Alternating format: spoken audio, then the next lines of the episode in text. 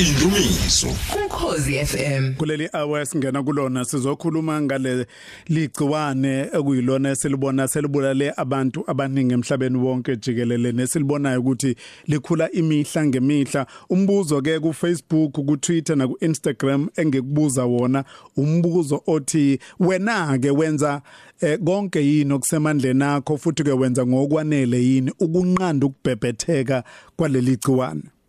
Hulumeni usinikezile indlela ukuthi fanele senze kanjani eh sonke sizwile kukhulunywa ngazo ke zonke izinsuku umbuzo omkhulu uthi wena ke qobo lwakho njengobulalele ulapha ekhaya wenza konke yini ongakwenza ukuqiniseka ukuthi leli gciwane alibhebhetheki? Ulwazi onalo uyadlulisa yini kwabanye abantu noma nawe udlulisa ama jokes lezi zinto abantu abayikhulumayo isuke zingekho kulibele kuhlekiswa sibe sisenkingeni enkulu kangaka. Funa ukuzwa ngoba nawe unomthwalo une responsibility yokuthi ulekelele uhulumeni ulekelele inhlangano nezikhungo ezifana nale enhlangano engishilo ukuthi iyona elawula empilo emhlabeni wonke eh, ukulekelela osocience bakithi njengoba bona besabheka becubungula ukuthi ingakwazi kanjani ukuliwa lempi ize inqotshwe? Wena siquke manje wenza ngokwanele yini ukuthi leli gciwane lingasabalali linga ungalitholi wena? Ngoba uma uqiniseka ukuthi awulitholi wena shothi ngeke udlulele komunye umuntu. Noma wenza ngokwanele yini ukuthi ungayitholi ususesimeni lapho usuzohamba manje uyolithekela wena ubuye uzoligcwalisa ekhaya enganeni emphakathini kubazalwane nakubantu osebenza nabo. Thumelele ke no voice note yakho ku 0716136667 inombolo ethi 0716136667 siyokhuluma nawe ke nocingo kodwa ke khona sizokhuluma nabo ukuthi basi mhlambe lezi zinto kade singayinaki sekubona ukuthi ngempela umhlaba unjani. Ngiyazi ukuthi sibonile indlela okwenzeka ngakhona eChina izinga labantu abahaqwe leli gciwane izinga labantu abadlulile emhlabeni inombolo yabantu abadlulile emhlabeni. Sabona iItaly ilokhu ilandela kodwa namhlanje sekukhulunywa ngokuthi iItaly sidlulile iChina okuyiyona okwaqala khona leli gciwane. Okusho ukuthi ikhona lento. Uyacabanga ukuthi uma ngobudedengu bami nawe lesi simo sisibone eItaly kungenzeka sifike la eSouth Africa. Uma izwe lifana neItaly okuthiwa yizwe abizwa ngokuthi ama first world countries thina ke okuthiwa so third world countries okuwukuthi thina sisezingeni eliphansi kakhulu ngokwamandla omnotho siyoba yini? Uma ngabe sitsheliwe isikhathi sisekhona ukuthi asiligweme asilivike isikhathi sisekhona kodwa sangafuna ukulalela sakuthatha sakudlala sadlulisela kwabantu imi imiyalezo ku social media engamanga engalona iqiniso esingaqinisekisile ngayo elibele ukukhuluma ama jokes ngalesi sifo bebebefa kodwa abantu imihla ngemihla sibe sizwe ukuthi bayadlula emhlabeni sibe sizwe ukuthi nambi yakhula eningizimu Afrika yabantu abahaqwa ileli gciwane. Lowo mzuzu nje wokuthi ubunethuba lokuthi ukwazi ukudlulisela komunye umuntu i-information noma ulwazi oluright nolwazi olucorrect kodwa wena ukhetha ukudlulisa ulwazi owazi kahle ukuthi okoqala leyamanga olwesibili aluzukumsiza loyo muntu okwesithathu kuyahlekiswa nje. Mbuzo ke sinawo uyakwenza yini wena okufanele ukwenza ngoba ulindelekile ukuthi ukwenze? Nawe ngeke iphumelele ngeke inqotshwe lempi ungekho wena ngeke. Selemdelile kodwa wangibamba Bana uNkulunkulu wake wababamba ngesandla abantwana bakwaIsrael wabakhipha ezweni lokugqilazeka kwabo. Hambe nabehlane imihla yonke. Bekuneyinselele ekhambeni kwabo kodwa ubumi nabo njalo. Sikuthembile nathi kulesi sikhathi ukuthi uzoma nathi. Lokhula babekwenza babehlale njalo bakulalela ukuthi uthini ngoba uNkulunkulu wayekhuluma okhuluma noMoses ngaleso sikhathi balalela ukuthi uthini njengoNkulunkulu. Nkosinathi wakaTembe uthi ungizwile uthi uthi uthi uthi uthi ithi ithi lengoma kuNkosinathi Tembe uthi wena uNkulunkulu ungizwile. Sisho kanjalo ekseni eh uyena sikhala kuye uNkulunkulu. So sinomthwalo eh njengebandla lika Christ sinomthwalo njengabazalwane bamabandla amabandla ahlukahlukene beyinhlelo ezahlukahlukene. Sina sinomthwalo eh njengebandla lase ZCC sinebandla njengebandla eh lama Nazareth njengebandla eh nje kungaba ibandla leIslam ibandla la la kaBuddha sonke sinomthwalo. Ngoba siphile ezweni elilodwa ukulalela ukuthi kuthiwa yipi indlela yokukwazi ukugwema lesi simo esibhekene naso njengamanje. Ngimemeke eh, ubaba uGeneral Mthembu eh, owomunye wabantu sibone abantu be begijimela bethatha ama toilet rolls bewafaka eh, ngobuningi babo. Sathi yena njengomuntu okhiqiza lama toilet rolls ake sizwe mhlawumbe ukuthi yini lesingayazi esibona esibona sibona abantu begijimela kangaka ngoba abanye besibeze bekhuluma ngezinto eziningi ezingafani. Sada simbize sikhulume naye. Bamvela singakubingelela ngane yakwethu siyakwemukela kukhozi. Ngiyakubingelela ukuthi sinabalaleli eh, ezweni lethu esinkingeni fethu ngithangi asikumeme la ngoba wena umuntu oyikhiqizayo le toilet roll. Ukubona ezitolo ukuthi ithengwe ngale yandlela ebeyiphanga ngale yandlela okokuqala ngifuna ukubuza kuwena ukuthi ngokuthola kwakho ulwazi yini le yenza ukuthi bayigijimele kangaka? Budisibu um sizamile ukulandela ukubheka ukuthi kambe yini ngadala abantu ukuthi bathenge ama toilet roll kangaka? Okokuqala nje sicabanga ukuthi mhlambe ba baningi abantu banenkinga yokuthi kukhona into ekuthiwa i-panic buying. Mm. when you do i-panic buying usho ukuthi uthenga into ngoba usaba ukuthi kunokwenzeka ukuthi iphele. Uh, that's one. Two abantu bayafunda um isikhathi sanamhlanje. Ngicabanga ukuthi ezinye izinto ezidala ukuthi bathenga ama-toilet roll indaba yokuthi eh kukhona okuvelayo ukuthi kulesifo lesi kuba khona isikhathi la kube khona ukuthi kube khona idiarrhea Mm. okudala ukuthi ke mhlambe ke nalokho kube khona idala ukuthi abantu bawathenga kakhulu ama toilet paper okwesithathu ngicabanga ukuthi abantu bakithi basaba ukuthi kunokwenzeka ukuthi khona lento ekuthiwa i-lockdown uma ngabe sibheka e-Italy akusekho umuntu ophumela ngaphandle uma ufuna uye esitolo kufanele imvume yokuthi uhambe esitolo Mm. Ngoba yini kuthiwa igciwane leli siyalichela bese ngasakwazi ukuthi ligwemeke? Izinto ke lezo ezidala ukuthi abantu mhlambe baphenike bayothenga ama toilet roll kodwa engizokusho nje kumina um esayidini lethu thina abakhiqizi ama toilet roll angicabanga ukuthi fanele khona ukuthi phenike as mm. long as, as long as kusekhona i raw material into edala mawubheka kunento ethiwa i-pulp okuyiyona yenza iphepha engicabanga ukuthi asinayo inkinga yalokho. Mhlambe into engadala inkinga ukuthi usasol mangase mhlambe kuthiwa akwazi ukusupplya i-raw material yokwenza i-packaging lokho mhlambe ngingadala inkinga kodwa kwamanje for a short term angicabanga ukuthi ikhona inkinga ukuthi abantu fanele baphenike kusho ukuthi mvelase uthi uma ngabe sisahamba ngokwalendlela okuyiyona manje asikho isidingo sokudatazela sokuphenika njalo njalo. Kodwa abantu fanele bayibambe nje kahle. Uma uhlanganisa indlela uhulumeni athi asenze ngayo ukuze sikwazi ukuyilawula ukuspreada kwayo le virus. Uma bekungathiwa asenze njengoba uhulumeni esitshelile sivele siyiyeke nje isihlasele njengase Italy. Kungenzakalani? Lokho engingathanda ukuxwayisa abantu bakithi ukuthi kuzofanele uhulumeni simlalele si sibe responsible. Ngoba uma ngabe ukuthi siyalichela igciwane zonke insuku uhulumeni will be left with no choice but to lock us down ukuthi ngendlela elikhula ngayo okucaca ukuthi i-health system yethu izohluleka ukwema laba sebehaqekile igciwane. So ngaleyo ndlela ngicabanga ukuthi fanele sibe responsible sibe like responsible citizens ukuthi uhulumeni mangabe ekhuluma sizame ngayo yonke indlela. Ngiyazi ukuthi kunzima nathina nje manje mawubheka emsebenzini we we had to make sure we have a task team who talks about this virus. It looks at different things look at systems to say umuntu mengene esangweni uya check ukuthi temperature engakanani because mm. we had to stop checking i i-alcohol emzimbeni mm. so we have to check ukuthi i-temperature engakanani ngaphakathi we have to put ama sanitizers all over we have to teach and educate abantu ukuthi mokhuluma nomuntu zama ukuthi ube ube kude about 1 and a half meter 2 meters it's all those things ezama ukuyenza.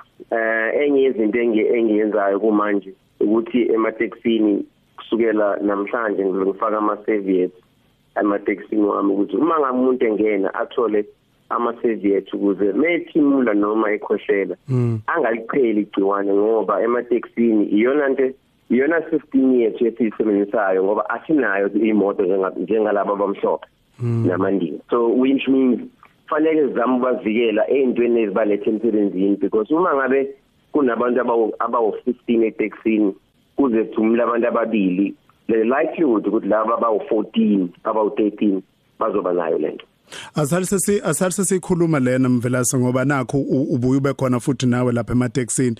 Sizwile inhlangano lezi eziphethe amatekisi ezinkulu em la eningizimu Afrika zethula uhlelo lwazo lokuthi kunqandeke ukusabalala kwaleli gciwane ngokuthi abantu banikezwe ama sanitizers njalo njalo. Liyaphumelela kodwa ngendlela enenza ngayo. Lokhu niliqalile nje. Kuyaphumeleleka ngoba liyase kuyasebenza. Singazi ukuthi ke ngoba phela ziyabiza lezi zinto. Mm. Ukuthi kuzohamba ibanga engakanani ekuzosho ukuthi ngempela kufanele siwumphakathi wonke weSouth Africa singafiki ekutheni size sifike kulezinga lase Italy mawubheka iItaly ngempela manje sidlule iChina ngokufa kwabantu.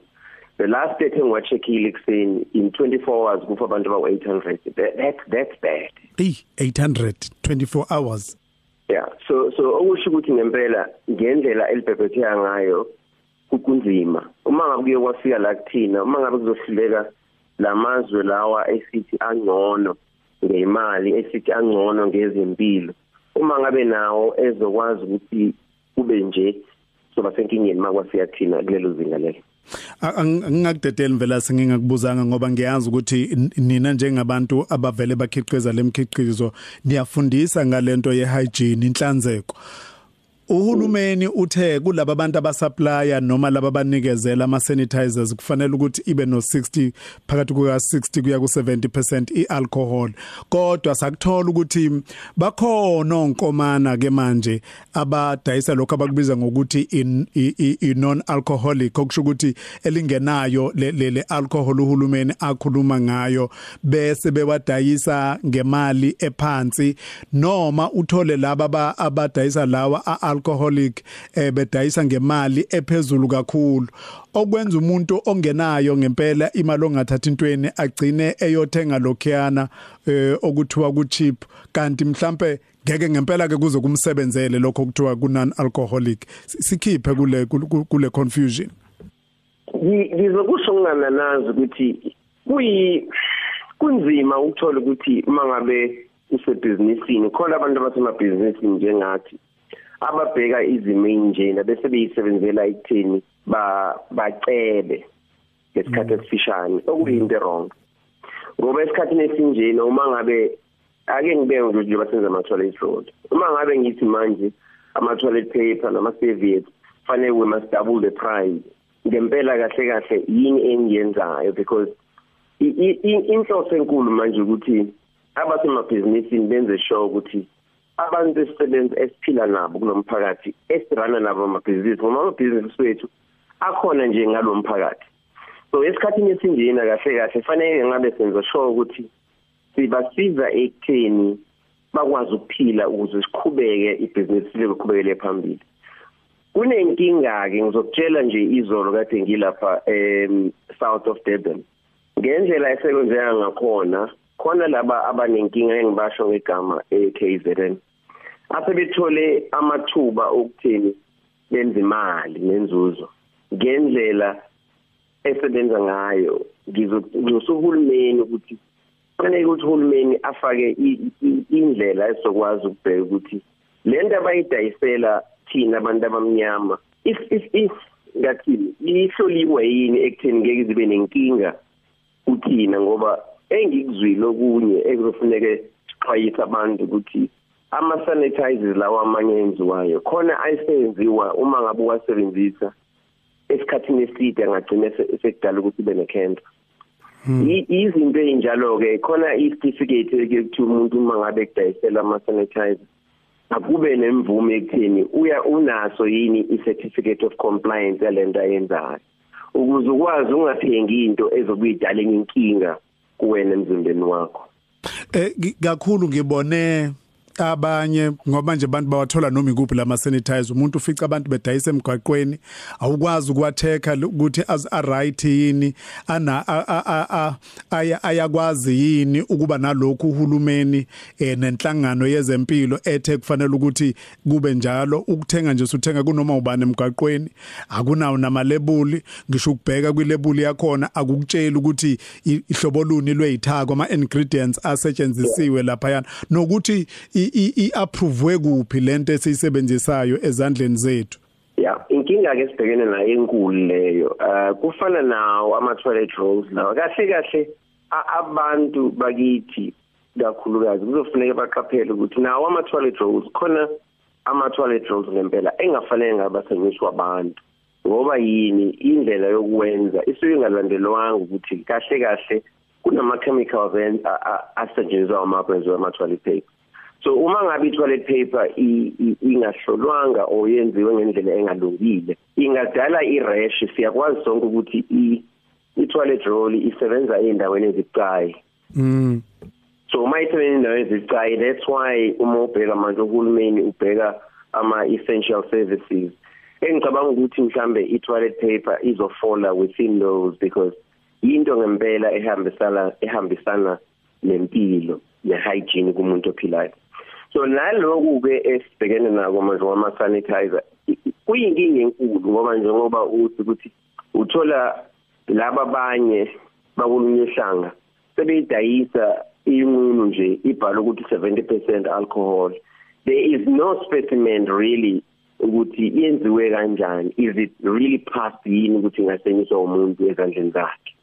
So engicabanga ukuthi uhulumeni unenkinga enkulu ke manje yokuthi amonithe lezinto ezidayiswayo ekutheni uma ngabe uyidayisa please provide ukuthi is it qualified yini ukuthi sisetshenziswe kuyinkinga enkulu ngoba manje ukusho ukuthi uhulumeni siyazi ukuthi to monitor lezinto eseyibekiwe it's going to be difficult to police it.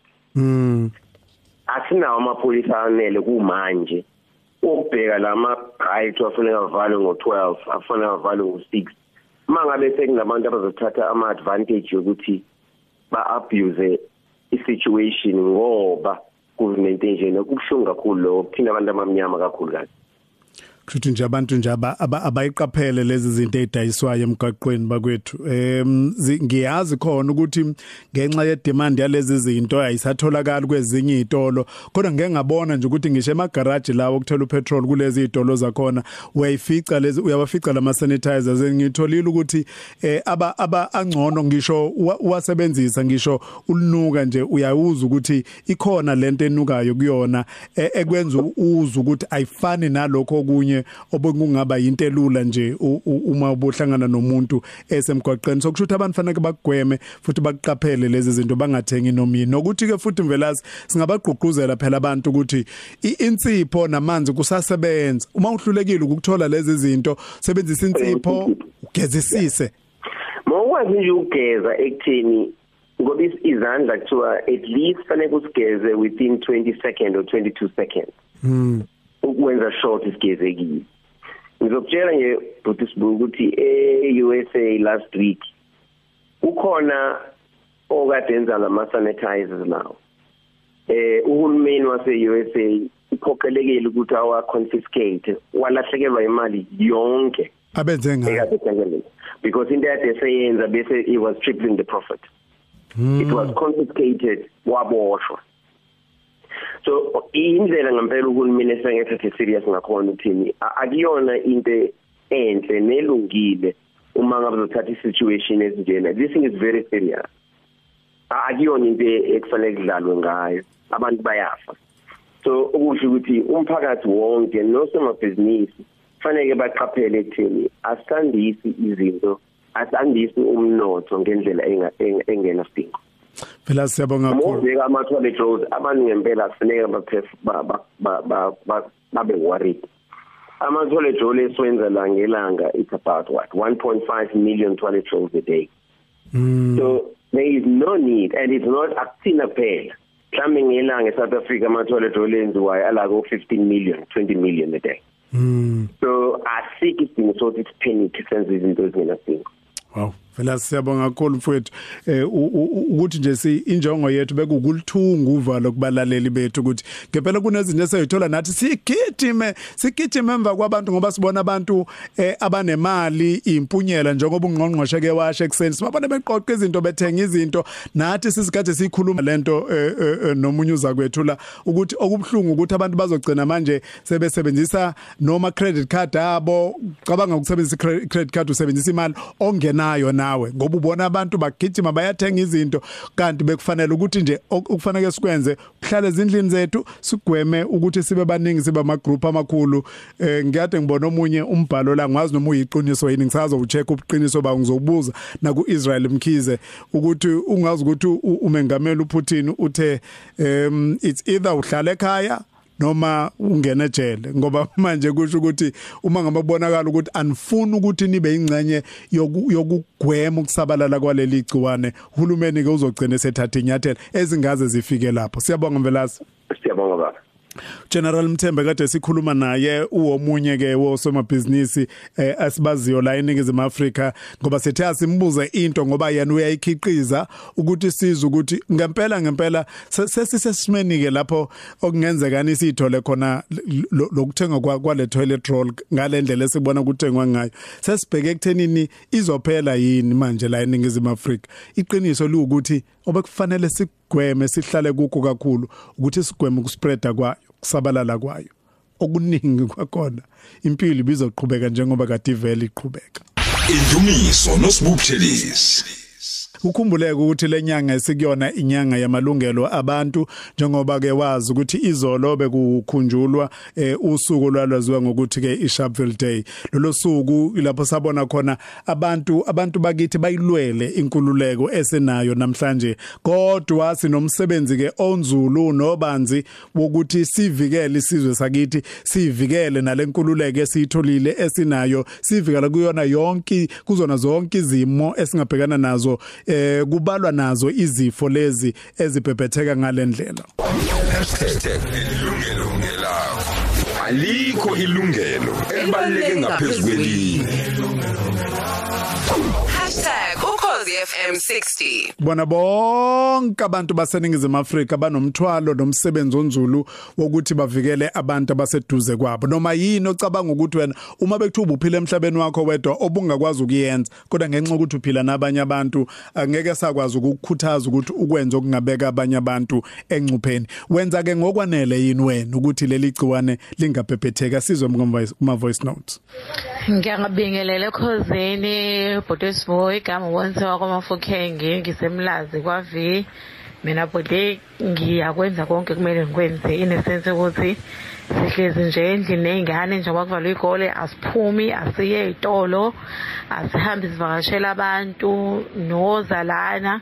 Siyabatshela nje abantu ukuthi no visits njengoba kunalento lena. Aba- abantu abagcina bayigcine besemakhaya abo nathi sizohlala la kuthina until kudlule lelo bhubhane. Ukuze singayitholi sesibulala abanye abantu isidingo singekho. Abantu abayenze nje izinto ngendlela eshiwo ngayo sihloniphe nje umthetho ngendlela okushiwo ngayo ukuze singayitholi sisenkingeni njengalawo amanye amazwe sisenkingeni enkulu kangaka. Ngiyabonga.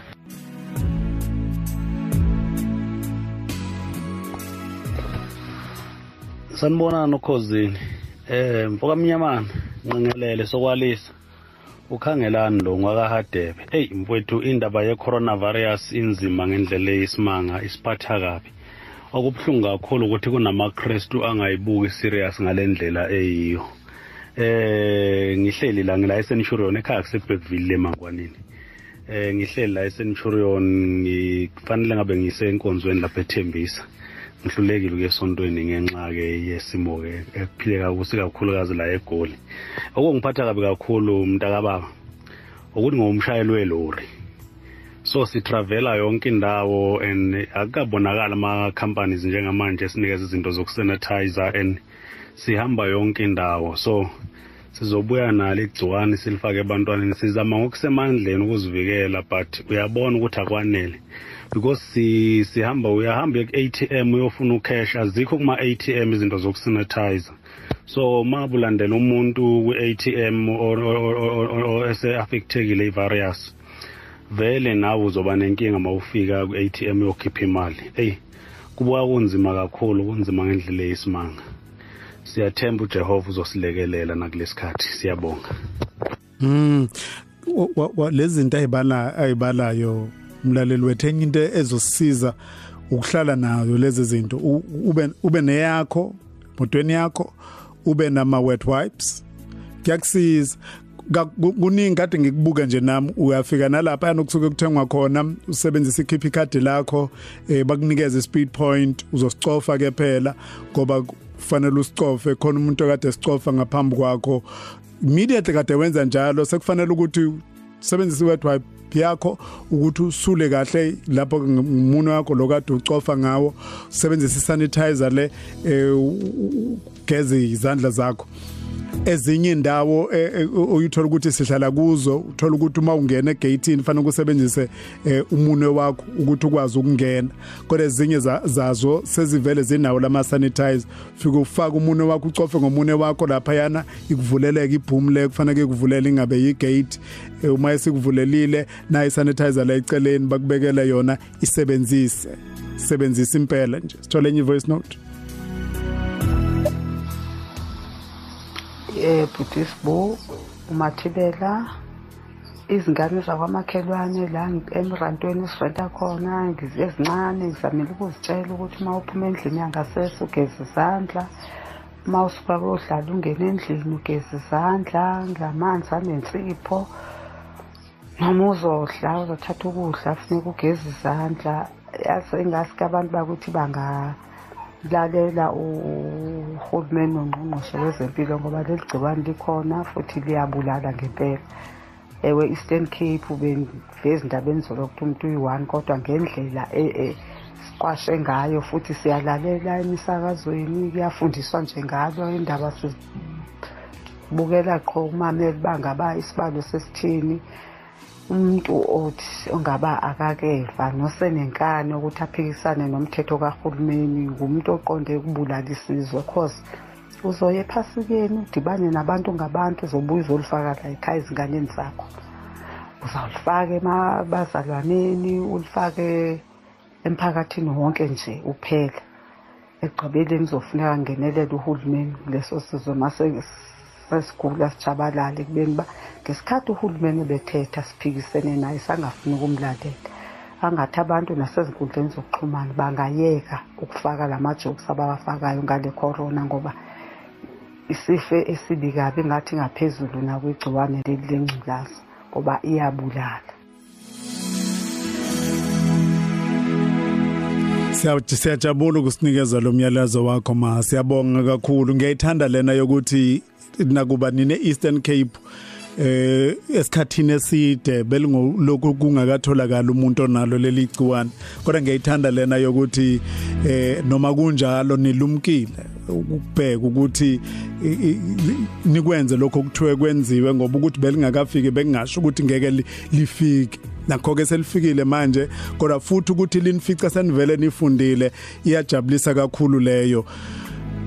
Ngake ngafunda incwadi ngayibalula la emoyeni isihloko sayo esithi eyayithi human extinction. Bathi abazalwane bebandla lethu lamaKristu ayikho leyo nto. Abasoza abantu baphela. Ngamanye amazwi bephikisana eh, nesihloko saleya ncwadi human extinction ukuthi kunemizamo yokuqeda isintu siphele nya emhlabeni. Bakuphika lokho. Angifuni ukuthi sisebenzise ama theories vele. Sithi bakhona babeshilo ukuthi eh, noma babe prophesayile ukuthi ngalesi sikhathi kuyofika isifo esiyowuqeda wonke umhlaba nani nani. Iqiniso lokuthi sasikhona lesi sifo manje. Kodwa nakhe bengifuna ukuya kukho ngesikhathi ngize ngicaphuna leya ncwadi.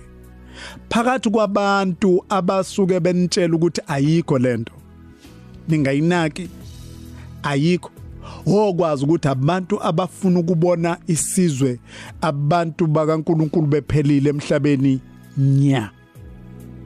Umuntu ozonda ukubona abantu nje behamba emhlabeni bephila emhlabeni bephefumula loyo. Ngikusho lokhu ngoba sesibonile ubuhlungu benzeke eItaly. Buyamangalisa umzulu umvela sethi izolo nje namhlanje ekseni inombolo zabantu aba abadlulile emhlabeni osukwini zingaphezulu kuka 800 Asikakhulumi ngesa njengoba eSouth Africa kuthiwa abalikhethayo noma abalitholayo leli gciwane uthola ukuthi babalwa ko phakathi kuka 30 no 50 abalitholile leli gciwane kuze kube manje uhulumeni senze konke okusemandleni ukuthi akwazi ukubanakekela abantu oselitholile igciwane ukuthi eh landela lemigomo bakufundise. Protocol yakhona le abasinikeze yona ngokuyilandela basakwazi ukuthi balicontain bakwazi ukulithema leli gciwane kuze kuba manje. Kodwa kwamanye amazwe abasakwazi libhebhetheka ngokwedlulele. And vele uma ngabe lingabhebhetheka ngokwedlulele lafika kubantu abaningi kwinombolo enkulu yabantu. Iqiniso lokuthi nohulumeni ngeke asakwazi ngoba uma ungabheka manje ukuthi mingaki imbhede eningizimu Afrika ibhedlela eze enazo manje ngamanje. Uma leyo mbhede kumanje ivele igcwele abantu ababevele beguliswa wokunye ungabala iTB nezinye izifo ezahlukahlukene.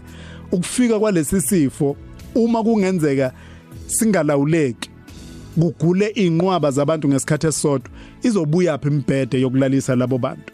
Bazobuya pho odokotela bokwazi ukunakekela labo bantu? Njengoba sivele la eSouth Africa sithi sinodokotela abanganele ukukwazi ukunakekela nokuservisa abantu abavele bebevele beyigulela njengokweyigule ezejwayelekile. So lento yokuyithatha kancane lento ngesikhathi sekude thina njengebandla lamaKristu. Nokuzwakala ukuthi kukithi lapho kuzwakala khona kunabantu abathi hayibona ngeke ba bavumele usathani usathani lo. Kahle kahle usathani uzovunyelwa ngokuthi uthatha abantu bamemele endaweni owazi kahle ukuthi uma kukhona oyedwa kungenzeka bekhona lapho uzobathelela bonke ngesikhathi esisodwa.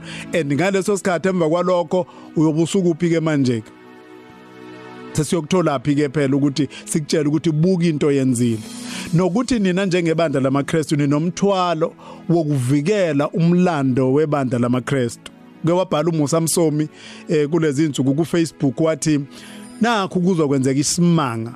Okokuqala nqa ukuthi ibandla lamaKristu kuthiwe yilo elibulale igidigidi zabantu. Ngamanye amazwi sho ngabe kuthiwa umfundisi wakho uthi hambani neyinkonzweni hambani neyinkonzweni zephasika. Yazi ukuthi lesi sinqumo isinqumo kufanele usinqume wena wedwa ngoba uzofa uyishiye lezi ingane zakho uzobuya naleli gciwane ulifakele izingane ekhaya kufe wonke umuntu ekhaya. Gcine lingasalawuleki kanti kube sonke besilalelile. Senza lokho kuthiwa sikwenze sihlale ezindlini singabi uvanzi siphume siye emsebenzini. Emsebenzini bazositshela ukuthi sisebenze kanjani. Uma ngabe kuukuthi kunesidingo sokuthi eh kube khona abantu okufanele bakhululwe ukuze bangabe baningi abantu emsebenzini sikulalele konke lokho. Sokwazi ukulinqoba leli gciwane.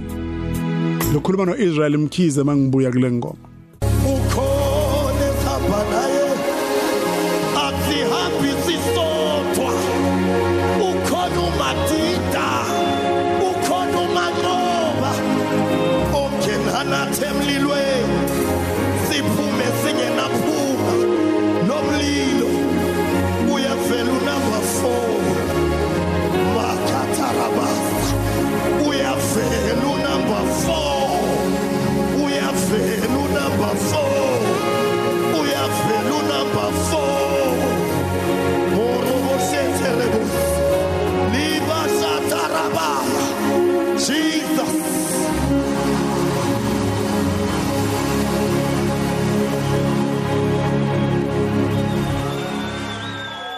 Iworship house sithi ngiyamazi ngimbonile loyo owangifela eCalvary. Lento yokukholwa into eh, eh, ejule kabi indaba yokukholwa into ejule ngendlela emangalisayo enibalulekile ukuthi eh, size kuyona ngokuhlakanipha. Ngoba uNkulunkulu akayena uNkulunkulu wobula kodwa uNkulunkulu wokuhlakanipha ukuhlakanipha kwenziwa uyu uNkulunkulu yena usilindele ukuthi sikusebenzise ukuhlakanipha kwethu. No- nokuthi le- lenkinga yok- yok- yokufuna ukuyohlanganyela ndawonye ngicela uku- uku- uku- ukubonga bonke abafundisi abaye baphumela obala ukuthi bamlalela umengameli ngoba impilo zabantu lezi abayiholayo baningi ngibabonile ngi- ngi- ngingambona umfundisi uvusi Dube weECC wabo oqala ukukhipha istatement esishoyo ukuthi em bazokhatha down ba- bazokuba nendlela yokukhonza futhi ke nephasika njengoba u- umengameli seshilo eh, lime bakwethu ngoba uku- ukuya enkonzweni yephasika akukho lapho kusitshela khona ukuthi ukungwe- ukuya nokungayi kuyodetermine ukuthi siyaya noma siye ezulwini. Em babu Ray Makholi ngimbonile. Ngicabanga ukuthi Grace Bible Church ngibonile. Eh Bishop ND Nhlapha ngimbonile ama video akade wafaka lapha yana eh uze wa u- u- wa- washo nanokuthi indlela abazokhonza ngayo eh bazo ama ushers akhona azobe sebenza kanzima ukuthi uma abantu bezokhonza bafike beyama group ka80 bangene. Ukhuluma ngabantu ke abavele benendawo zokukhonzela ezinkulu obungakwazi ukuthi laba abantu abawu8 ngiqinisekile ukuthi bangakwazi ukuba eh, ba- basabalala omunye aye lapha omunye ame- aye lapha aye- aye lapha yana U- u- ukuthi bangene ngo8 ngo80 umfundisi uncanda ngizwile ukuthi ke yena uvele wayikhansela nje completely i- inkonzo ukuthi abazalwane kukwazi ukucommunicate nabo noma kuxhunywane nabo bese emakhaya eh bakhuthazwe bese emakhaya ngokukhonza ngoba i social media lena khona manje technology yazivumela ukuthi sikwazi ukwenza lokho. No- nokuthi lesi simo sibhekene naso asiwadinga amasudu kahle kahle. Eh ne fragrance ebizayo nama crocs eh ma stilettos lesikhathi esikuso sidinga abantu abazoyidela. Bathandaze. And eh, akukona ukubukisa nokuza ngeimoto ezinkulu sizoyipaka eh, eh, eh, eh, emasontweni ethu sifaka amasuda abizayo sinuka amakha abizayo okuzokwenza ukuthi sidlule kule nkinga. Amakholwa ngempela abiziwe azome esikhaleni athandaze uthandaza usekhaya ngoba uNkulunkulu akekho lapha ya endlini yokukhonza. uNkulunkulu umbiza nje lapho khona umbiza uNkulunkulu ezwe. Umbizo kuleyo moto yakho ke enkulu wedwa eh, ezwe uNkulunkulu akudinga ukuthi siyonqwabelana ndawonye. Eh, singadukiswa la. Please makholwa. Singadukiswa la.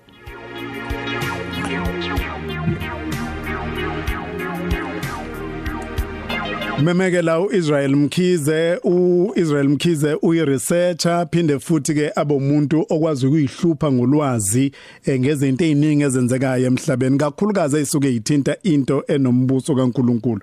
Israel ngiyakubingelela ngane kwethu. Eh sawubona shenge sawubona nakubaleleli ekhaya. Siyabonga kakhulu mfethu ukuthi we- wemukele lesi simemo sethu. Ngani yakwethu asizwa lana kuthiwa ibandla leIslam liye la iresista noma laphikisana nalombono wenhlangano eh, lebizwa ngokuthi iWHO iWorld Health Organization okuyiyona elawula indlela yokuyiphatha nekuyiyona elawula ezempilo emhlabeni wonke jikelele. Noku nokuwona wonke amazwe alandela eh, ukulawula kwayo nokusho ukuthi upresident wethu nabo bonke ongqongqoshe nodokotela umkhize njengongqongqoshe wezempilo bonke abalawulwa eh, eh, noma ababheka ukulawula kwayo lenhlangano yezizwe. Kodwa sizwa amanye amabandla ephikisana nale call noma ezinye ibizwa ngana amahlelo ama denominations noma ezinye inkolo um religious groups angafana ne asizwanga amaNazaretha ukuthi waphikisana nohulumeni asizwanga eh, eh, eh, ama Islam ukuthi aphikisana nohulumeni. Nawo amaKristu akuwona wonke kodwa siyabona ukuthi bakhona abami impela nje ukuthi bathi cha hayi thina siyaya thina. Eh. abanye baze bakubele ukuthi uhulumeni akayena uNkulunkulu. Ningi ngengabuka ngafunda la eh kune post eyenziwe umfundisi uNeo Rathebe lapha yana ku Facebook ethi eh msasivika ama rifles ngalesa sikhathi eh silwa nobandlululo. Eh kuvela nje manje ukuthi as- asizuthula. Ukhona uline wakhe wokugcina uthi uhulumeni akakabe uhulumeni ibandla libe yibandla. Mfethu abantu labesikhuluma ngabo Israel baba shenge em ngiqale nje ngithi umhlabeni wonke there are over 7000 uh, religions. Kunenkolo ezingaphezu kwa 7000 number 2 eh ukuningi balezi inkolo zi zixhumene eh ngendlela ethize at global level noma ku regional level eh ziphinde zihlukane zinemkhosi engafani. Imkhosi ke eh khona ke esibheke kuyona manje le izwe ngephasika emkhosi enkolo ebuKristu now ingakho ke mhlawumbe eh ngasohlangothini lokuqala sizothi sibone iresponse neresistance ke ebisaqhamuka ngalapho ngoba enkolweni yobuKristu bebengakaze bahlangane nesimo la kuzoba khona ipandemic cishe ezophazamisa ke umgubho wabo. Ake sike sikubeke kube sitafuleni lokho. Okuyingako umongameli wethu ngenxa yobuholi bakhe obuhle eh nodokotela uzwe limkhize ngenxa yobuholi bakhe obuhle bahlale phansi last week Thursday nezinkolo zonke esikhona eSouth Africa recognized bazama ke ukuthi ba reason ukuthi cha bakithi kunalolu bhubhane eh ake siboneni ukuthi ke ngoba luthelelana ukuthi abantu basondelane singamisa kanjani. So lokho is on the table asikubuyisele eceleni ke singene kokujulile number 1 shenge em ngicabanga ukuthi ngoba umhlaba ucomplicated uHegel waqhamuka esichazela ukuthi ihistory imuva ngokushayisana kwama ideas wawatesta ama theories akhe waqhamuka uKarl Marx wathi no ihistory imuva ngokushayisana kwalento yama means of production nobudlelwano babantu ama means of production. Now khona ikhatha empilweni ezike zikubiza ukuthi i-theory noma ulwazi injulalazi yento okuyona ama doctrines akho adeep kangakanani and uyawa understand yini? Uyiphutha ke ke elivelayo ukuthi une depth yolwazi olu available even akulona iBhayibheli especially ulwazi oluncike kuyincwadi lezi ezibizwa ngama apocalyptic books noma izincwadi zama end times. Fana incwadi yerevelation incwadi yaEzekiel em ezi nolwazi olungacishe lumkhanyisela umuntu omKristu lo hola amaKristu ukuthi sikuphi manje. Uma nje ungaya mhlambe ku chapter 6 wesambulo khuluma kakhulu ngama seals noma izinto ezimboziwe eh noma ungacaphuna uverse 3 ku chapter 10 wesambulo la kuthiwa khona uJohn wambulela zonke izinto kodwa kwathi ezinye angazibhali ngoba zigrimena ezimfihlo endizothola abantu abajulile. Nawo lapha kuma seals afakwe kuZambulo chapter 6 uvela indaba yamahashi amane four horses. Lama horses elinye livela limhlophe elinye livele libovu elinye livele lilombala sithi upale now lama horses uma eqhamuka aveza izikhathi engafani ezizofikela umhlaba kanjalo elinye limnyama khona eliza and wonke lamahashi mawabheka eza evela kuye uqobo uNkulunkulu evela from adedelwa lapha kuma seals now enye iza iletha izimo ezinzima ngakwezezimpi zomhlaba uh, outbreak of war. Enye iza inika ithuba lobizwa ngo-antichrist ukuze adukise abaningi. Umoya ke loyo ke ethize dynamic esuke ilwano lwazi olujulile laNkulunkulu phinde futhi kube khona enye horse eza nama pestilence noma ama famine lokuthiwa ke ubhubhane.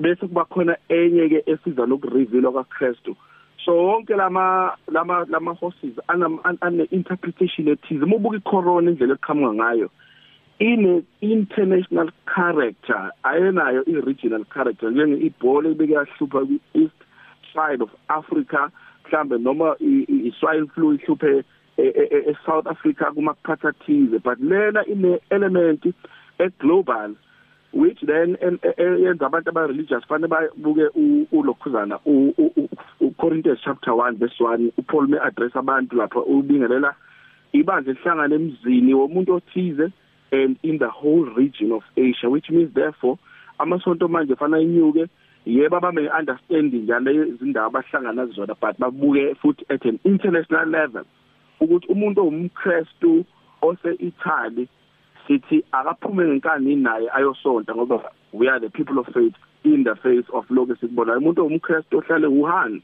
uze Chinese. Sike sahlangana necase but sibu where we dealing with i- i- i- Palestine and Israel uh, uh, problem where kuthiwa emazwini asebhayibhelini ama-palestine noma ama-philistine mhlawumbe sisho njalo thina abantu abamele nonkulunkulu. Then we found out ukuthi over time kunabantu abama-philistines who become christians. So ubarelate kanjani bona ne-text yebhayibheli and so on? Mm.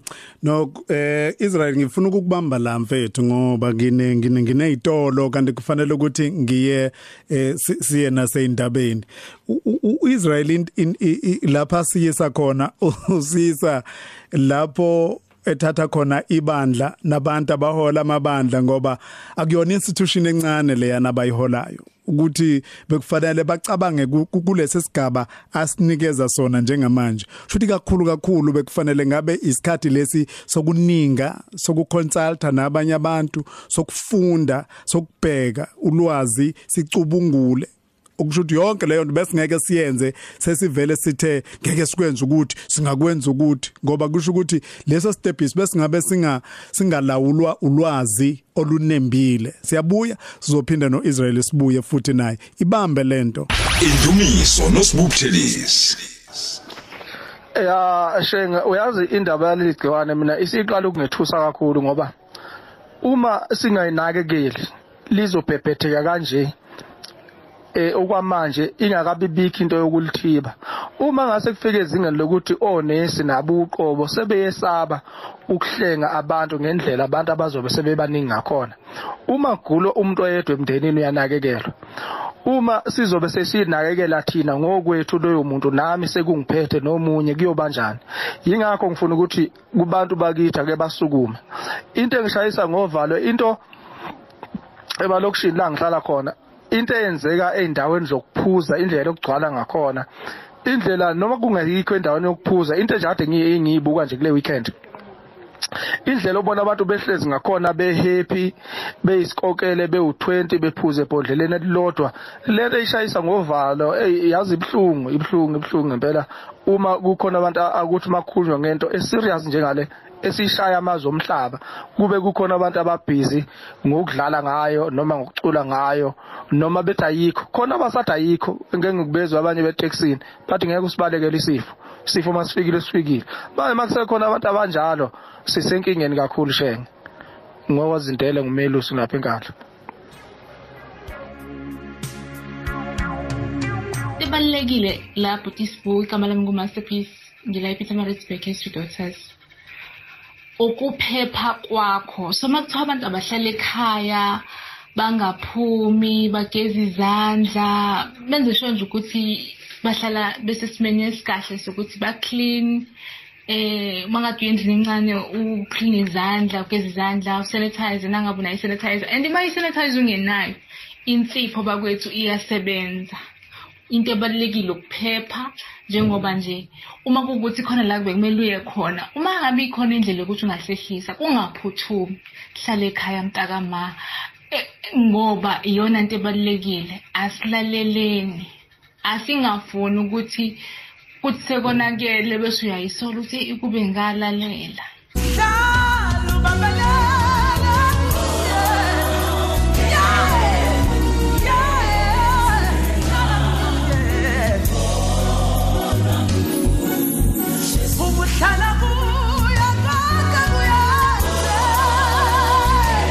Andele wakambili uthi uyaphila.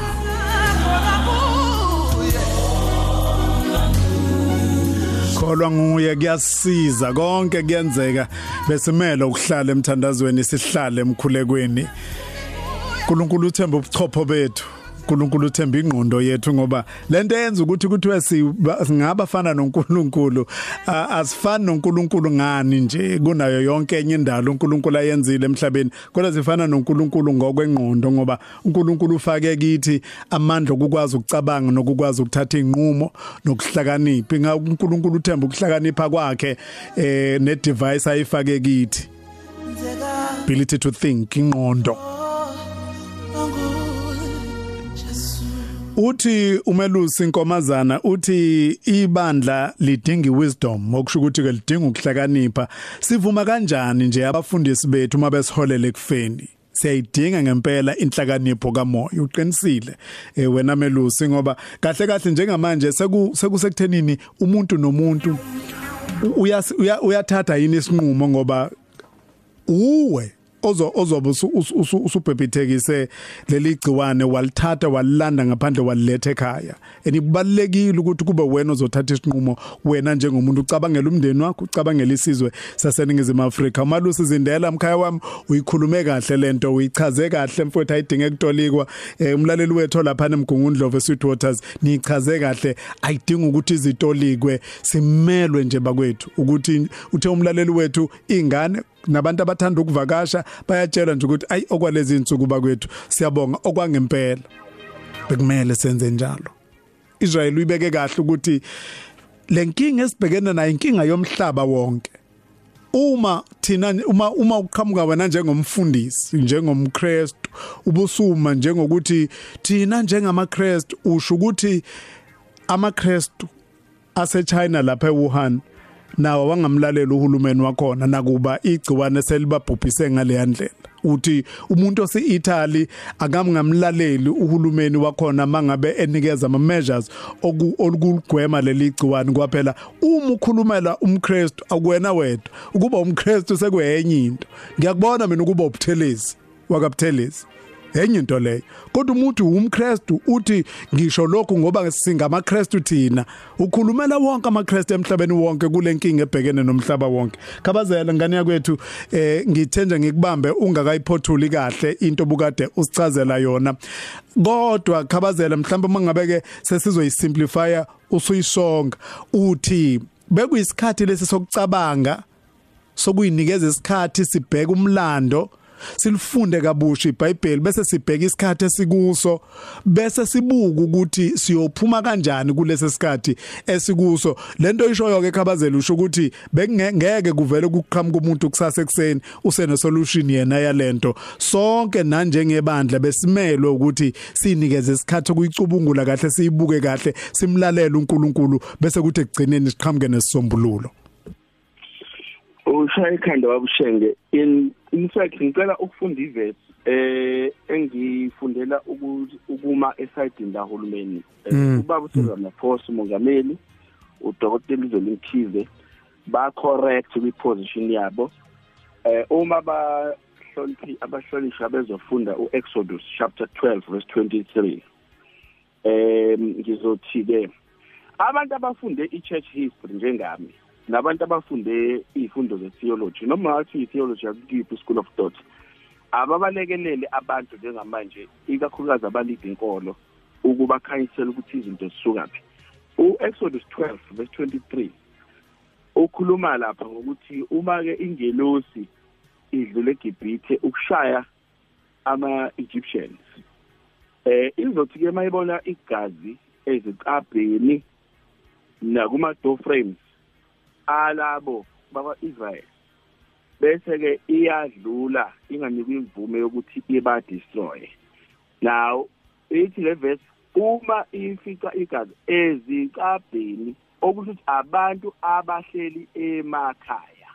Mm into ye coronation nokuthi ake sihlalele emakhaya umongameli nokhabazela bas- basibami ezwini ba correct ba quote uExodus 12 verse 23 ukuthi makunobhubhane uhle uhlale ekhaya ukuvela ubhubhane eGibhithe ubantu baIsrael bahlala emakhaya igazi lemvala la namathisele icabheni ngizophinde ngithi ke babushenge kunento ama statistics efanele siyiqaphele la ngoba lesikhathi isikhathi sokucabanga nje kakhulu. Mm uma kuthiwa 99 people or not more than 100 people um awukwazi ke wena wenza argument ukuthi ke eh, sizolukhu sigade abantu abawu 99 because if ungase ukuthi your 99 people bonke bane coronavirus laba baze ku service mm now iyayi defeata le purpose yokuthi ku disintegrate i-society ukuze ingaspread the virus mm So it's more than the question of 99 or less than 100.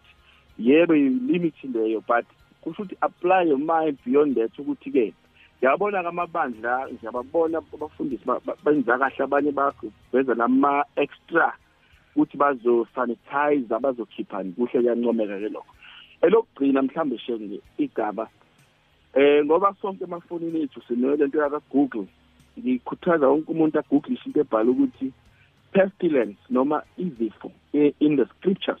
Because senzela ukuthi lana eh in- lithini leli gama olishilo pestilence noma pestilence. Pestilence yes. P E S T I L E S pestilence izifo. Lapho abantu bathi pestilence in the bible noma izifo eBhayibhelini Zo- bazobona balela ukuthi okunye kuye kuthunywe uNkulunkulu to rearrange iorder yepower neorder yomhlaba. Noma ukurearrange igeopolitics. Kuyimanje nje uyabona ukuthi leli leli gciwane liyenze lento yokuthi equalize lento ebihlulo kwenziwa ipolicy ukwenza equality. Iyenziwa igciwane njengamanje just equalizer sonke as human beings. Onotho nongenalo utho because lento ayikho class conscious. Kusho ukuthi iyakunanoma ikuphi umuntu. And ungacishe mhlawumbe uma uyibuka ngehlo lejubhili uthi izoshekha ibhodi ukuze wonke umuntu egcineni aqale phansi. Yingakho iconfine wonke umuntu and umuntu ozolimala kakhulu vele umuntu onotho la icishe ukuqalise phansi. So iningi science behind i-corona if uzoyibuka ngehlo le-philosophy noma ngehlo le- le- le- le-theology e-advanced ukuthi mina ngibuka these four horses aku aku revelation chapter 6 aphumile phakathi kwethu.